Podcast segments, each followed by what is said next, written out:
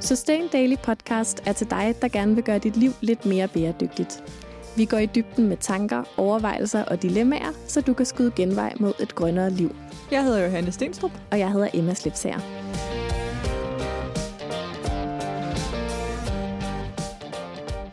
Hej Emma.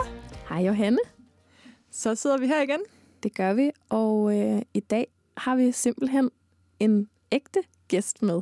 Det har vi også, og øh, vi har faktisk også en sponsor på, fordi mm. det her afsnit er sponsoreret af Too Good To Go, som de næste tre episoder skal øh, hjælpe os med at lære dig om madspil. Ja, så dem vender vi tilbage til lidt senere.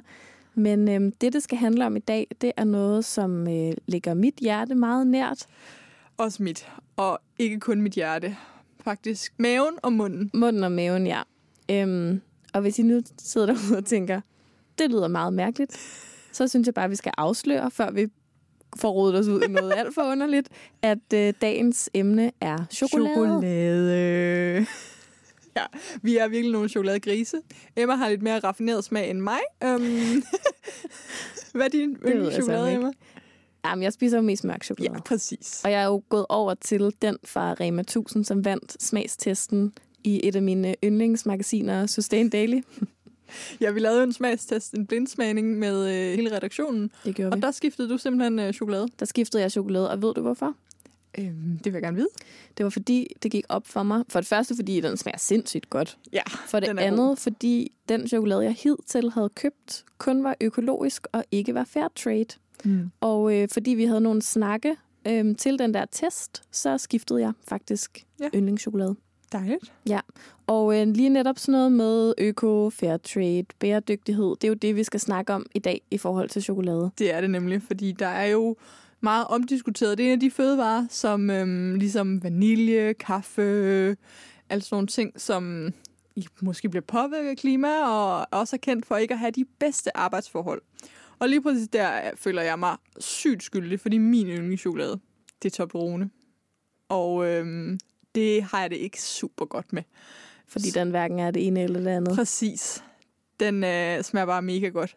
Men altså, jeg har min lille personlige vendetta, det er, hvorfor alle de der øko mørke chokolader, hvorfor putter de ikke nogen nødder i? Nå, så fik jeg sagt det. Og øhm, så kan vi øh, dykke mere ned i min dårlige samvittighed, øh, fordi vi har nemlig tænkt, udover at spise rigtig meget chokolade, så ved vi faktisk ikke særlig meget om chokolade. Nej, og derfor så har vi inviteret Thor med os i studiet. Thor, han er grundlægger af Social Foodies, som får produceret og sælger sindssygt lækker chokolade. Ja, virkelig, virkelig lækker. Den, øh, hvis budgettet var til det, og man kunne så overveje, om budgettet burde være til det. Anyways, så burde man kun spise det næsten. Men Thor, vil du ikke starte med at præsentere dig selv? Jamen, jeg hedder Thor, som sagt. Øh, startede Social Foodies for seks år siden. Faktisk startede Social Foodies nede i Afrika, hvor jeg boede øh, i næsten fem år. Og øh, startede en masse forskellige spændende projekter op dernede. En chokoladefabrik i Cape Town blandt andet. Et mejeri i Mozambique og noget vanilje og kakao i øh, Uganda. og så besluttede jeg i slutningen af 2012, at øh, nu skulle jeg starte noget, noget, noget bæredygtigt i Danmark. Og startede en socialøkonomisk virksomhed, som hedder Social Foods. Vi har i dag syv butikker, fordelt i København og i, i Aarhus. Og øh, jamen, vi, øh, vi sælger jo alt inden for is, chokolade, marcipan, nougat, som I selv nævnte. så, øh, så Laver I nogle gode påskeæg også? det gør vi nemlig, og vi, de bliver nemlig bæredygtigt produceret nede i Sydafrika. Fedt. Yes. Men skal vi ikke starte med det et helt store spørgsmål? Øh, fordi nu nævner du Sydafrika, så tænker jeg straks, det er nok fløjet hjem. Hvor bæredygtigt er chokolade egentlig, og især den chokolade, vi spiser her i Danmark? Jamen altså, jeg synes måske skulle man lige prøve at, at, at grædebøje bæredygtigt. Ja. Fordi det, for mig er det i hvert fald delt op i sådan tre øh, store grupper. Øh, den ene er økonomiske, og så har vi det, det menneskelige, det sociale, og så har vi det miljømæssige. Nede i Sydafrika kan man sige, at øh, når, når du producerer chokolade, så øh, 15 procent det er jo spild kan man sige. Nå. Hvis vi kigger på, på, på det miljømæssige, så er det måske en god idé at sende det færdige resultat op, og ikke sende en masse råvarer op, som så skal forarbejdes og skal smides væk, fordi så betaler du i princippet CO2 på, på det, det, det skrald, du smider ud. Altså når man laver chokolade, øh, mørk chokolade for eksempel, så starter man selvfølgelig med at få nogle bønner ind. Øhm, så kommer typisk øh, i et område omkring ekvator, og øh, så rister man den, og ristningen er ret vigtig for, for smagen af chokoladen. Og øh, der fordamper en masse vand, øh, fugt øh, i, øh, i kakaobønnerne. Og så efterlader sådan en lille hinde rundt om øh, kakaobønnen, og den, den skal så fjernes for at få den mest rene chokolade som muligt. Og det gør man så igennem noget, der hedder winnowing. Og øh, der forsvinder også omkring 5-7 procent der, øh, før det så skal koncheres. Og det, det vil sige, at øh, chokoladen bliver sat under tryk og varme. Øh, så frigøres øh, kakaosmør, der er omkring 50 procent kakaosmør i chokoladen, og det bliver så flydende. Derfor har man så den, den meget flydende form i chokoladen efter 6-24 timer. Og derefter kan man sige, så, øh, er at chokoladen skal tempereres, så man skal have, sikre sig, at øh, fedtmolekylerne de er sådan meget ensartet øh, opstillet. Men bare lige for at vende tilbage til det bæredygtige, Ja. sige, så er der jo den miljømæssige, øh, som er en ret vigtig del. Og så kommer den, den sociale, den menneskelige del, mm. øh, kan man sige. Der, der vinder vi rigtig mange point ned, lavet ned i Sydafrika. Jeg startede med at ansætte Sugi, som er, var en, øh, en, en kvinde i slutningen af 30'erne, som er, undskyld mig, blevet voldtaget hele livet igennem, og øh, blev så ansat som rengøringsdame hos os. Og hun er der den dag i dag, og er faktisk øh, vores øh, chef chocolatier dernede. Øh, vi har ansat, øh, vi er oppe på 25 mennesker dernede nu. Så kan man sige, at det sociale afkast for os er ret høj. Mm producere det i Sydafrika. Så er der selvfølgelig den økonomiske del også. Hendes løn for eksempel dernede er jo gået fra øh, 2.000 til 6.000 kroner, altså en tredobling på de seks år, vi nu har været i gang. Ikke? Så kigger man den vej rundt, så, så synes jeg, det er bæredygtigt. Det er sjældent, vi flyver det op. Det er kun, hvis vi absolut okay. har nogle kunder i Danmark, der absolut skal have noget på meget, meget kort tid. Mm. Ellers så, så bliver det, kommer med skib op, ikke? Okay. Og det gode ved med skib er blandt andet, der er rigtig, Sydafrika importerer rigtig mange varer fra blandt andet Kina. Øh, Det vil sige, der ryger rigtig mange tomme container ud af Sydafrika. Og det udnytter vi sådan set bare. Så det er den chokolade, I laver, som er super bæredygtig. Ja. Kan du uden at nævne navne eller andre sige lidt om sådan størstedelen af, af den chokolade, man spiser, som måske ikke er fra jer? Altså hvor bæredygtig er en helt almindelig 15 kroners chokoladeplade ned fra supermarkedet? Der er ingen tvivl om, at, øh, at næsten 65-70 procent af al, al kakao, øh, det kakaobønder kommer ud af Vestafrika. Hovedsageligt Elfenbenskysten og Ghana. Og øh, når du er store virksomheder og skal købe mange, mange container af, af kakao hver eneste dag, stort set, jamen, så kan du ikke kontrollere, hvordan det bliver produceret. Derfor kan man i hvert fald sige med, med ikke med god samvittighed, men det modsatte, at, øh, at når man køber en meget, meget billig chokolade, så har man ikke kontrol over, hvordan det bliver produceret, og af hvem det er. Og i dag der findes der over 2 millioner øh, børnearbejdere, eller arbejdere, som, som er børn fra, fra fem års alderen op efter, som kommer fra forskellige nabolande i, øh, i omkring øh, Elfenbenskysten og, og Ghana.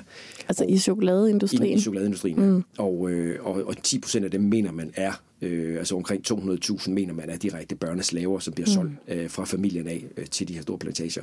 Så hvis man skal være helt sikker på at ikke få noget chokolade, som har været involveret med børnearbejde, så bliver man nødt til at, at købe fra, fra virksomheder, som kører direct trade. Altså selv fair trade har, kan jo heller ikke garantere, at der ikke er børnearbejde involveret i, i, i, i deres. Ikke? Og direct trade, det betyder, at I handler direkte med dem, der vi, vi har, vi har navne på de øh, familier og de bønder, som, som vi handler med. Og, mm. og når man nu snakker med omkring børnearbejde, så er det også vigtigt at nævne, at det er en helt anden kultur, man er med at gøre.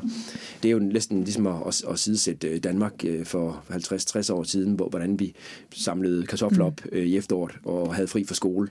Og, og der skal man huske på, at, at sådan fungerer det også dernede. Så når der er høstsæson i kaffe eller kakao eller vanilje eller hvad det nu end er, jamen, så hjælper børnene til.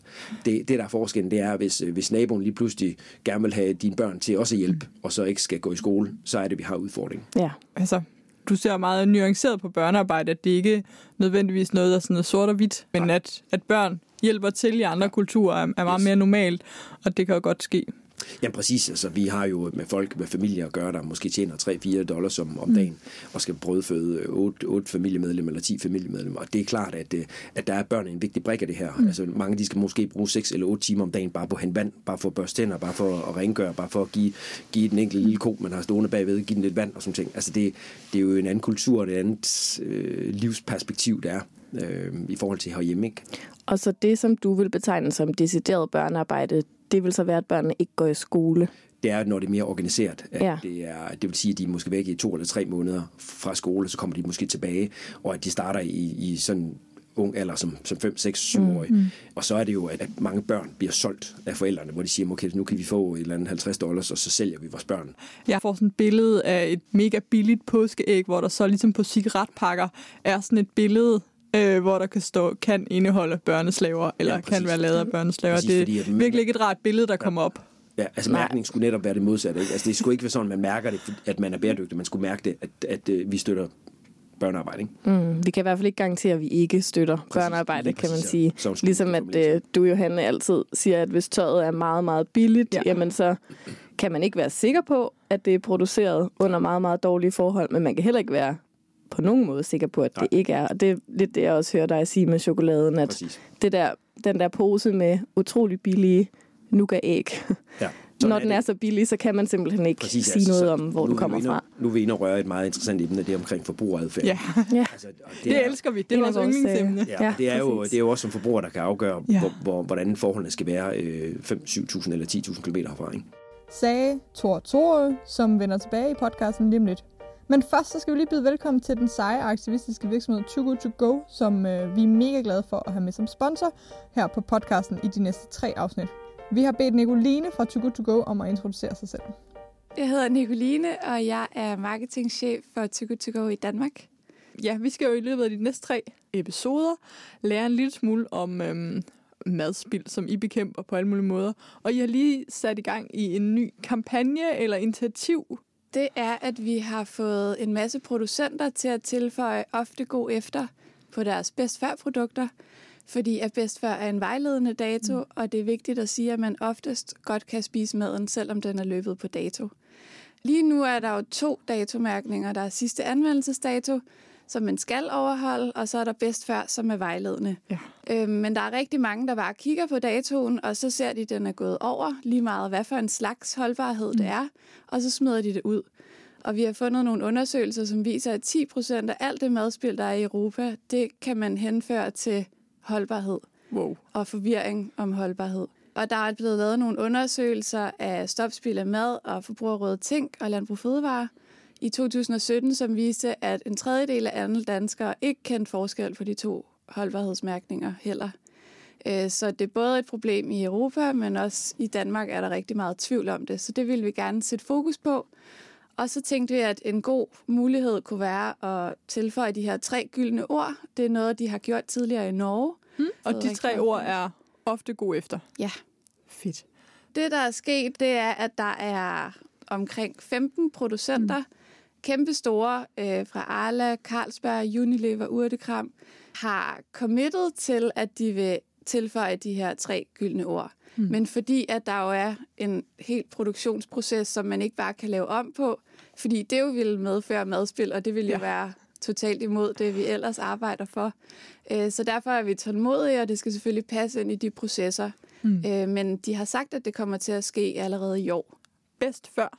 Det er så vejledende. Hvis vi nu tager chokolade, hvordan kan man kigge på, om den også er god efter, hvis der ligger noget tilbage? Fordi det er jo ikke alle, der har chokoladespil. Det vi siger med ofte god efter, det er, at man skal bruge sine sanser for at vurdere, om maden stadig er god. Så du skal kigge på chokoladen, og nogle gange kan chokoladen godt få sådan en lidt hvid Ja, overflade. den bliver sådan støvet, ikke? Jo, det kan måske være, hvis den har været i køleskab, eller hvis den bare er gået over holdbarhed, men det gør ingenting for kvaliteten af chokoladen. Så man kigger på den, og så skal man også lugte til den, og så skal man smage på den. Okay. Og hvis den smager, som den skal, så er det bare, fordi den er helt fin. Så skal man bare fordi, æde den. Ja, Så man kan ikke blive syg af at smage på nogle af de her bedst før ting. nej. Så det er noget, I tænker kan spare en masse madspil derude. Det håber vi meget. Vi er i gang med at lave nogle undersøgelser nu med, øh, hvad forbrugerne synes om det, så vi kommer til at følge op på det, og så bliver vi ved med at spørge producenter, om de vil være med, fordi lige nu er der omkring 15 med, men vi skal jo gerne Mm. have alle med, så man ser det alle steder, når man er ude at handle. Og hvordan kan lytterne støtte op om kampagnen og hjælpe til, at øh, vi sparer noget madspil på den måde? Mm, Det vigtigste er, at de bruger deres sanser, når de er derhjemme og har en vare, der er gået over bedst før datoen. Og hvis man arbejder for en producent eller kender en producent, er man jo også meget velkommen til at sende dem vores vej. Jamen, spændende. Og det er jo lidt uden for det, I ellers laver, men jeg tænker, at det tager vi i næste afsnit, hvad ja. Too Good To Go ellers er kendt for. Og så vender vi tilbage til chokoladen og en snak med Thor omkring forbrugeradfærd. Hvordan øh, vil I gerne opfordre til, at man bruger chokolade? Hvad for en rolle synes I, at chokolade skal spille? Fordi for mange er chokolade bare sådan en mindless snack. Det er ret billigt, det køres bare ned, og vi tænker ikke meget over det. Hvordan øh, ser I sådan men chokolade altså, som en del af vores Altså, jeg, jeg tror, forbrug? man skal se chokolade ligesom så mange andre øh, råvarer, som, som, som jeg nævnte før med kaffe og bananer og, vanilje og sådan ting. Altså, at man... man øh, at, at jeg synes egentlig, at mærkningen omkring fair trade-mærkning er, er egentlig forholdsvis god, fordi den, den øh, får øj- får øjnene op for folk, at, øh, at, at, øh, at man skal være opmærksom på, hvad man køber, mm. øh, og hvordan man køber, og hvornår man køber. Øh, og jeg plejer at give et eksempel med de der hindbær fra, fra Chile af, som koster 10 kroner nede i Netto. Vi ved, hvor svært det er at plukke hindbær, og de blev plukket i, måske i Chile, og blev pakket, og masser af emballage og plastik, og, og renses, og skal shippes herop. Mm. Og det samme er det jo egentlig også med chokoladen, på den forstand, at det bliver, kommer langt vejs fra, måske, og skal forarbejdes på store fabrikker i, i Europa. Og det er klart, at, at hvis man kun giver 10 kroner for et eller andet stykke chokolade, øh, så er det klart, at det, det, det de skriger jo væk af, at, øh, at det her det ikke, forsvar, eller ikke er bæredygtigt, kan man sige, eller forsvarligt for, i den forstand. Ikke? Og omvendt kan man så også sige, at dem, der bor herhjemme, som, som måske ikke har så meget at gøre godt med og rute med i, i hverdagen, jamen der betyder det måske meget, at de skal give halvt så meget for chokoladen, som, som de ellers skulle det, det er jo en svær balancegang, ikke? Men, men altså, vi som, som virksomhed, altså, der prøver vi jo så vidt som muligt at, at fortælle de historier. Nu har, vi jo, nu har jeg jo selv boet i mange, mange år i både Sydamerika og i, i Afrika, så jeg, jeg kender til forholdene og prøver at formidle det, både igennem den her podcast her, men også lige så meget i foredrag, man holder ud på uddannelsesinstitutionerne. Man kan se, at de unge mennesker er totalt ivrige efter at vide mere omkring det her, mm. og de vil gerne hjælpe, og jeg kan se, at det er dem, der i hvert fald går forrest, når det handler om, øh, hvad der skal købes ind derhjemme, og hvad der ikke skal købes ind derhjemme. Ja. Det tror jeg, du har helt ret i, at det tit er øh, børnene faktisk i familier med hjemmeboende børn, mm. som får nogle nye principper, mm. nogle nye ja. værdier, som de ligesom prøver at øh, få forældrene til at købe ind efter. Jeg tænkte på i forhold til det her med det miljømæssige i chokoladen. Øhm, vil du ikke også fortælle lidt mere om den der kakaobønne? Altså selve dyrkningen af den. Jeg ved, at der er nogle gange med nogle afgrøder, som bliver dyrket rigtig meget, for eksempel i Sydamerika, altså nu tænker jeg selvfølgelig på sojabønnen, mm. der er der meget store problemer med pesticider og sådan noget. Er det det samme med en kakaobønne, eller hvordan vokser den? Ja, det, det er faktisk lidt det samme, ikke? Altså man kan sige, at øh, Altså kakaobønnen er jo, er jo, vokser jo i områder, hvor at, øh, man ser faktisk, at de største øh, miljømæssige problemer er i øjeblikket. Jeg var i Uganda for en lille ja, 8, 8 måneder siden, hvor at, øh, jeg snakkede med en bonde, som øh, har været bonde i 40 år, og han siger, at de sidste 10 år har han simpelthen ikke kunne, kunne finde ud af, hvornår regnen kom. Nogle gange kom den i mm. marts, andre gange kom den i maj måned, og det, nogle, nogle gange kom den slet ikke. Mm. Og, øh, og det er det, der er enormt svært, og man kan se det i Mozambique i øjeblikket, hvor at, øh, det, der egentlig sker der, det er, at de sidste 15-20 år, der har kineserne fået lov til at fælde alt skov i, øh, i Mozambique. Øh, og det gør jo så, at når der så regner, så er der ikke noget til at holde fast på regnen. Så kommer den ud og skred, og så mister folk jo alt, hvad det hovedet ejer har. Og det sker også i, øh, i Vestafrika. Det vil sige, at du har nogle meget, meget lange tørkeperioder, og så har du nogle meget korte, men meget voldsomme regnskyld som er med til at give svamp til øh, afgrøderne, som gør, at, øh, at nogle gange så hele plantagen bliver nødt til at, at blive ryddet, øh, fordi at der netop går, går svamp eller andre og det sprøjter man mod, eller hvad? Og det, det sprøjter man, så ja. prøver man at sprøjte sig imod, ikke? Mm. og det er også dyrt. Og det sker ikke ved øko? Det sker jo i princippet også ved øko. Okay, altså, det bliver også sprøjtet? Nej, det bliver ikke sprøjtet, men, men man kan sige, at... det er lige så udsat for... Det, det er lige så udsat ja, jo, jo, i forhold til miljømæssigt, øh, og, øh, og måske endnu mere, fordi mm. det netop kan, ikke har muligheden for at, at sprøjte. Og nu siger du miljømæssigt, men jeg tænker i virkeligheden, det du snakker om her, det er klimaforandringer. Yes. Og, og noget af det, du også nævnt, som jeg synes er super spændende, det der med, vi forventer, at chokoladen bliver den samme, på trods af, at der sker sindssygt meget med de steder, det bliver dyrket. Altså, kan man sige lidt om, sådan i fremtiden, jeg har hørt horrorhistorier om, at øh, der ligger lager af chokolade, som man regner med bliver lige så meget værd som guld, og vi måske, altså vi har set vaniljen stige helt vildt. Er chokolade påvirket af klimaforandringer? Det er der ingen tvivl om. Jeg, jeg tror, at øh, vi mennesker har jo den øh, fantastiske evne at udvikle øh, og komme med nye ting hele tiden. Mm. Så der er ingen tvivl om, at man jo prøver ligesom med penicillin, man, som også er ved at være en udfordring nu. Man prøver hele tiden at finde nye øh, træarter og, og, og plantearter og måde at dyrke, øh, krydskontaminere de forskellige mm. arter på og sådan ting, så man hele tiden finder en, en resistent afgrøder, som, som kan nogle af de udfordringer, vi står for. Men omvendt, så, så kan man også se, at, øh, at dyrkningen af kakao i, i Afrika øh, specielt har været så hård ved jorden, at øh, man får slet ikke det samme udbytte i dag, som man gjorde for bare 5 eller 10 år siden. Samtidig med det, så kan man så også se, at kineserne de begynder jo også lige pludselig at spise chokolade, og selvom de kun står for 5% af det, vi andre vi spiser af chokolade. Wow. Men, men kunne de lige pludselig spise lige så meget som os, så står vi overfor en, en, en, en kæmpe efterspørgsel efter kakaobønnen, kan man sige. Ikke? Kun 5%? Ja, hvad vi spiser. Det er simpelthen, uh. altså det er fordi, det ikke er en del af den kinesiske kultur på samme måde præcis, som vores. Præcis. Man hygger sig ikke med chokolade. Præcis, ja.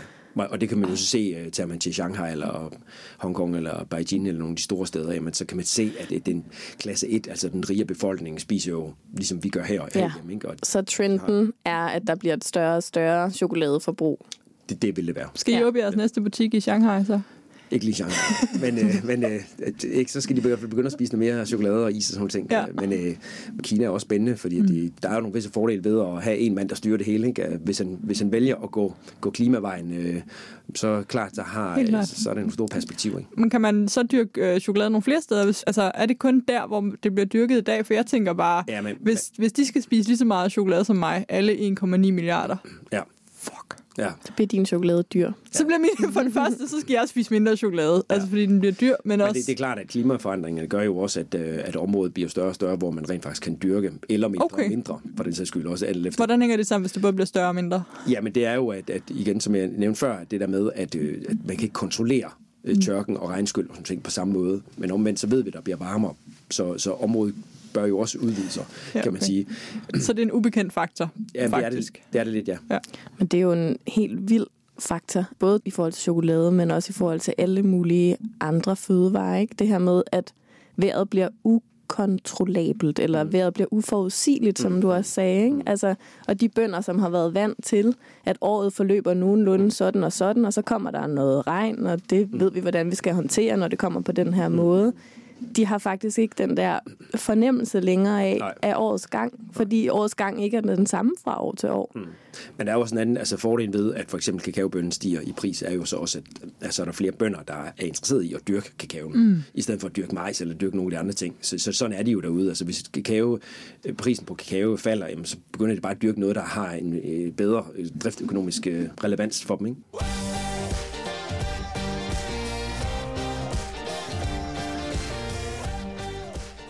Men noget af det andet, som måske også bliver interessant emne, jeg ved godt, det er sådan lidt øh, at gå lidt ud over øh, grænserne for jeres øh, program her i dag. Det er, jo, det er jo når, at, at øh, energi bliver gratis. Og det bliver det måske om 15 eller 20 eller 25-30 år, kan man sige. Ikke? Så bliver det fuldstændig lige meget, hvor man dyrker kakaoen hen. Og så bliver det måske der, dermed øh, mere bæredygtigt. Men jeg ved, det et, øh, det er et stort, stort område. Ja, energi bliver gratis, og øh, man kan omvende saltvand til ferskvand, og så bliver alle verdens fødevareproblemer løst. Ja. Det er en teori, der findes i verden. Det kan være, vi skal lave et afsnit om det en gang. Det har vi i hvert fald Ja. mange tanker om. Ja, ikke det med den gratis energi, det tror jeg ikke, jeg har sådan vildt mange tanker Nej. om. Men det med vandet. Ja. Jo, men altså, Ja. hvis energien bliver gratis, så er det jo også lige meget. Fordi Så der skal bliver rigtig meget vandet energi også- til at, at lave salt, saltvand om til. Jamen, det er rigtigt. Nå, Det er en ja. På den forudsætning måde hænger det selvfølgelig Ja. sammen. Yes. Men øh, det er en masse omkring chokolade, og hvordan det er godt eller skidt, og alt sådan noget. Men øh, jeg kunne godt tænke mig at smage, snak. Jeg kunne godt tænke mig at smage chokolade. det har vi ikke. at smage. øhm, vi har ikke chokolade med i studiet. I har fået et afsnit om, hvor Emma og jeg smager på ting. Det vil vi ikke udsætte jer for igen igen. Men kan man smage forskel på ordentligt dyrket chokolade og ikke ordentligt dyrket chokolade? Ja, men det, det kan man godt. Altså, det kan man sige, at chokoladen, øh, den, den starter sådan set helt ude ved bunden, ikke? hvordan øh, den bliver dyrket derude, og det er sådan set det mest kritiske periode. Men sådan er det altid, ligesom når vi føder børn. Ikke? Opdragelse og det hele er ret vigtigt for, hvordan de udarter sig længere, senere hen Så man skal opdrage en god bønne. Lige præcis, ikke? Og ordentligt værforhold, og, og, og den skal have noget kærlighed og sådan ting øh, derude, ikke? Så skal, kan man sige, frugten jo plukkes på, på det rigtige tidspunkt, ikke? Så det er sådan set det vigtigste, og fermenteringen er vigtig. Det vil sige, at øh, det tidspunkt, hvor at, øh, den, skal, den skal tørres, Er chokolade fermenteret? ja, kakaobønnen, kakaobønnen er Nå. Det vidste jeg heller ikke. Nej, det vidste jeg ikke. cirka en Mind 4 blown. til, 4 til 6 dage. Så når den så kommer hen, og så, så for eksempel ser man, øh, ser man for eksempel, nævnte jeg omkring øh, ristningen mm. og de der andre ting. Ristningen er også vigtig. Man kan for eksempel riste i meget hårde, hårde grader i, i kort tid og sådan ting. Så får man sådan lidt mere, eller en kaffe agtig øh, smag, meget stærk i det. mokkabønner. Eller man kan, eller man kan øh, riste den i, med, med lave grader i længere tid, så bliver sådan lidt mere nødagtig smagen. Så i forbindelse med koncheringen, der er det også vigtigt, jo længere tid man koncherer, jo mere øh, Og konchering, hvad Det var var det? noget, det, der det er her, hvor du, hvor, du, hvor du faktisk smider kakao-nipsene ned, og hvor du under tryk og varme Okay. med nogle store valser øh, smadrer dem her til, til små øh, mikropartikler. Øh, der er det også ret vigtigt, jo længere tid du kører den her valsning, øh, jo, øh, jo mere fin og blød og silkeagtig bliver den i smagen. Men omvendt, så mister den også rigtig meget af den her øh, det der meget original, den originale smag, den der, de der noter som ting, jo mere man, man, man smadrer øh, partiklerne i chokoladen. Øh, så, så, så det er meget sådan en balancegang, Ja. øh, hvor lang tid du skal køre den øh, i maskinen. Ikke? Mm. Og er, altså, er den dyre, hvad skal man Nej, sige, det bliver ikke grund. kvalitetschokolade? Det, det, er, det, er, det er bønnen, der gør den dyr. Okay. øh, chokoladen. Ja. Og, hvis, og det er lidt paradoxalt, fordi at, det kan man sige, en, øh, en bønne, jamen, den koster måske mellem øh, 3 og, og 6 dollars kilot. Og det er jo, så det er jo ikke ret meget. Det er jo alle de forskellige øh, bearbejdnings- og logistikled, der gør chokoladen okay. ender med at blive dyr. Okay. Og så er der nogen, der vælger at sige, nu ganger vi dem lige med to eller tre fakta, fordi vi har et eller andet smart navn. Øh, og det gør den ekstra dyr. Og det, er ikke, det gør ikke chokoladen specielt øh, meget bedre. Altså, så man kan godt finde dårlig chokolade, der koster en kassen, og man kan godt finde dårlig chokolade, der ikke koster noget. Øhm, omkring andre ting, så plejer vi at sige, det kan godt blive for billigt. Kan man sige det omkring chokolade også? Der er simpelthen et minimum, så er det ikke dyrket ordentligt, så er det ikke en god bønne, og så har det Nej, altså, folk hvis- ikke fået løn. Præ- Præcis, ja. Jamen, altså, det, det, er der ingen, det er der ingen tvivl om. Jo billigere chokoladen er, jo mindre kakaoprocent måske også. Og så propper man bare sukker i i stedet for. Så Ja. ja. det folk egentlig gør, det er, at de køber bare sukker i stedet for mm. kakao. Ikke? Ja. Og så kan man også proppe øh, forskellige planteolier i, i stedet for kakaosmørt, som er det dyreste, dyreste element. Ikke? Ja. Så der er mange måder at, at snyde på. Præcis.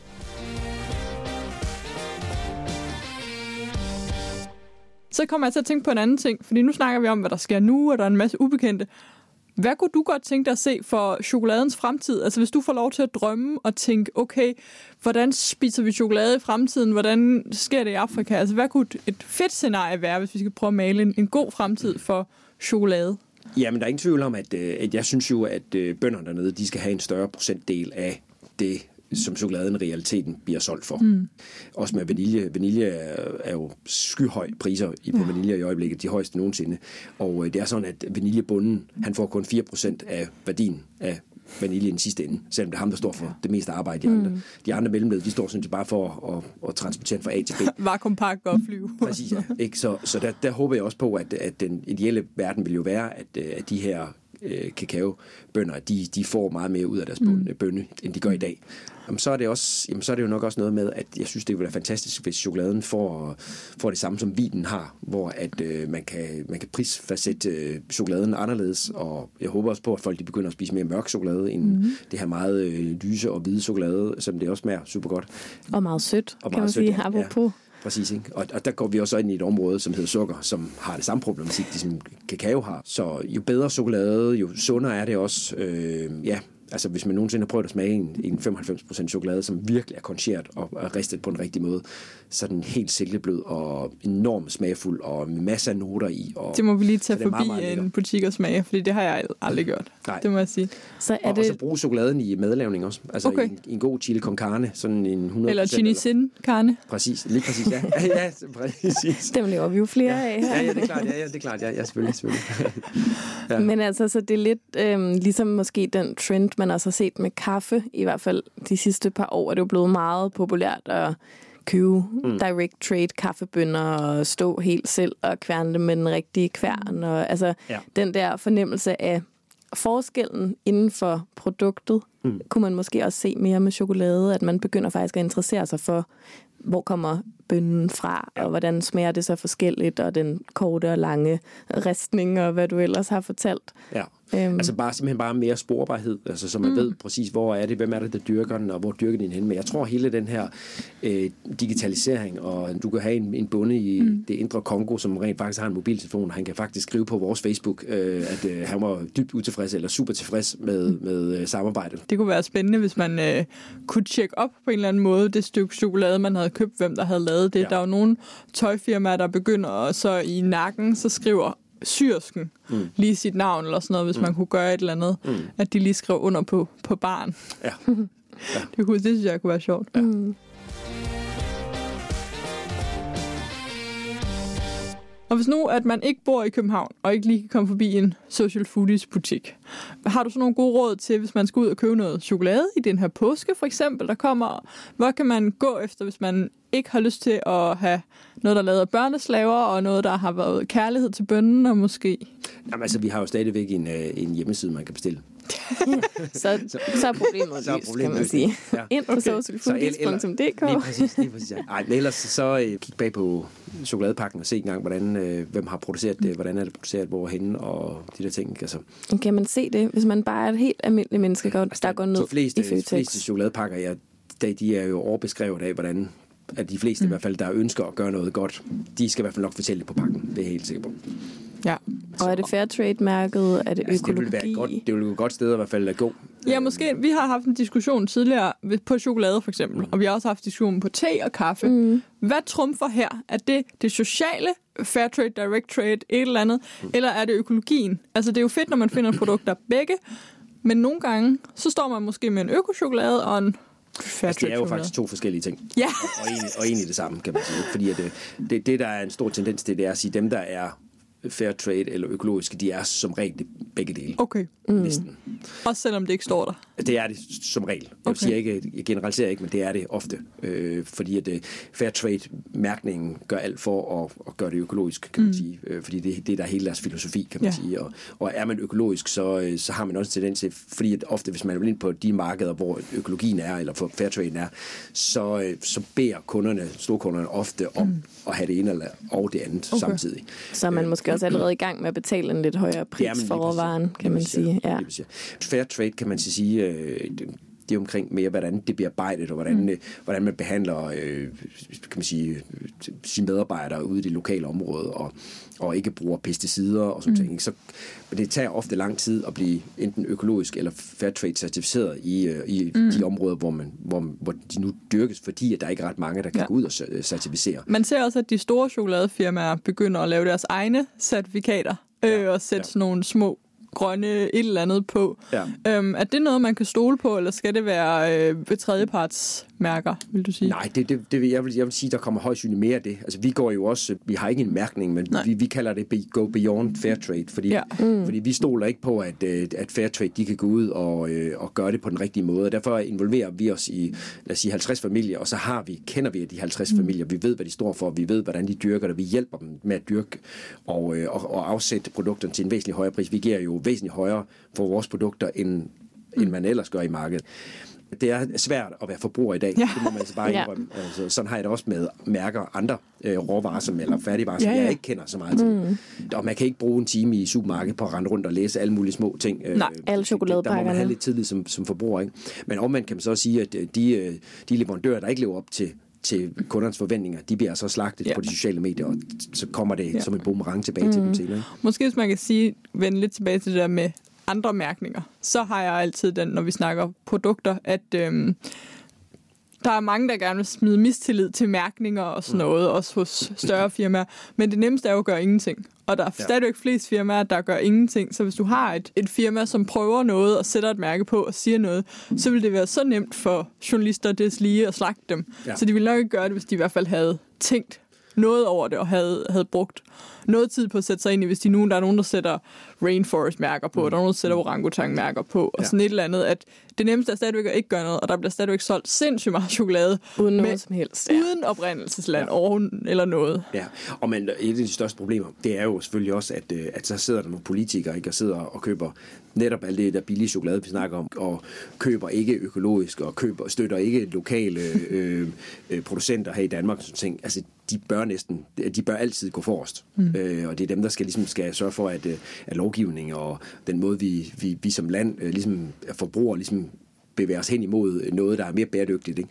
Og så står de selv og, og i princippet det drikker vand af flaske og sådan ting, i stedet for at tage nogle kander vand ind på bordet. Og sådan, altså det, ja, det, det er de ting, hvor man nogle gange skal undre sig lidt over, at de mennesker, som egentlig skal sørge for at bringe os frem til 2030, de, de har lidt svært ved også at, at selv forstå det. Man skal tage en dyb indånding, hvis man bliver inviteret til et arrangement om bæredygtighed på Christiansborg, og der er kød i alle sandwichene.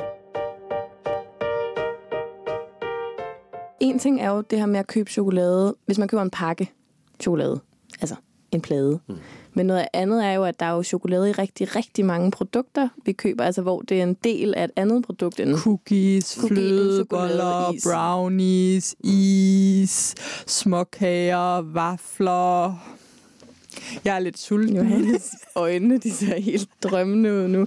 Altså kan man også på sådan nogle produkter spore chokoladen, eller er den typisk lidt sværere, eller? Ja, det, den er meget svær, ikke? Og, og, og det, der ofte er problemet med de, nu siger jeg, de cookies, som måske ikke koster så meget, det er, at det, det faktisk ikke er chokolade, der er i eller omkring. Øh, det er mere, det kaldes en vækhave. Det vil sige, det er mere, det er princippet øh, palmeolie og sukker og, og billig kakaopulver, som er blandet sammen. Det er ikke chokolade. Som, som er i, i, i de her de billigere cookies, som vi snakker om her. Det er klart, at har man et eller andet, en, en cookies til 20 kroner, så er der jo højst god chokolade i, men, øh, men det er der, hvor man skal passe på, ikke? og det er der, hvor prisen aldrig lyver.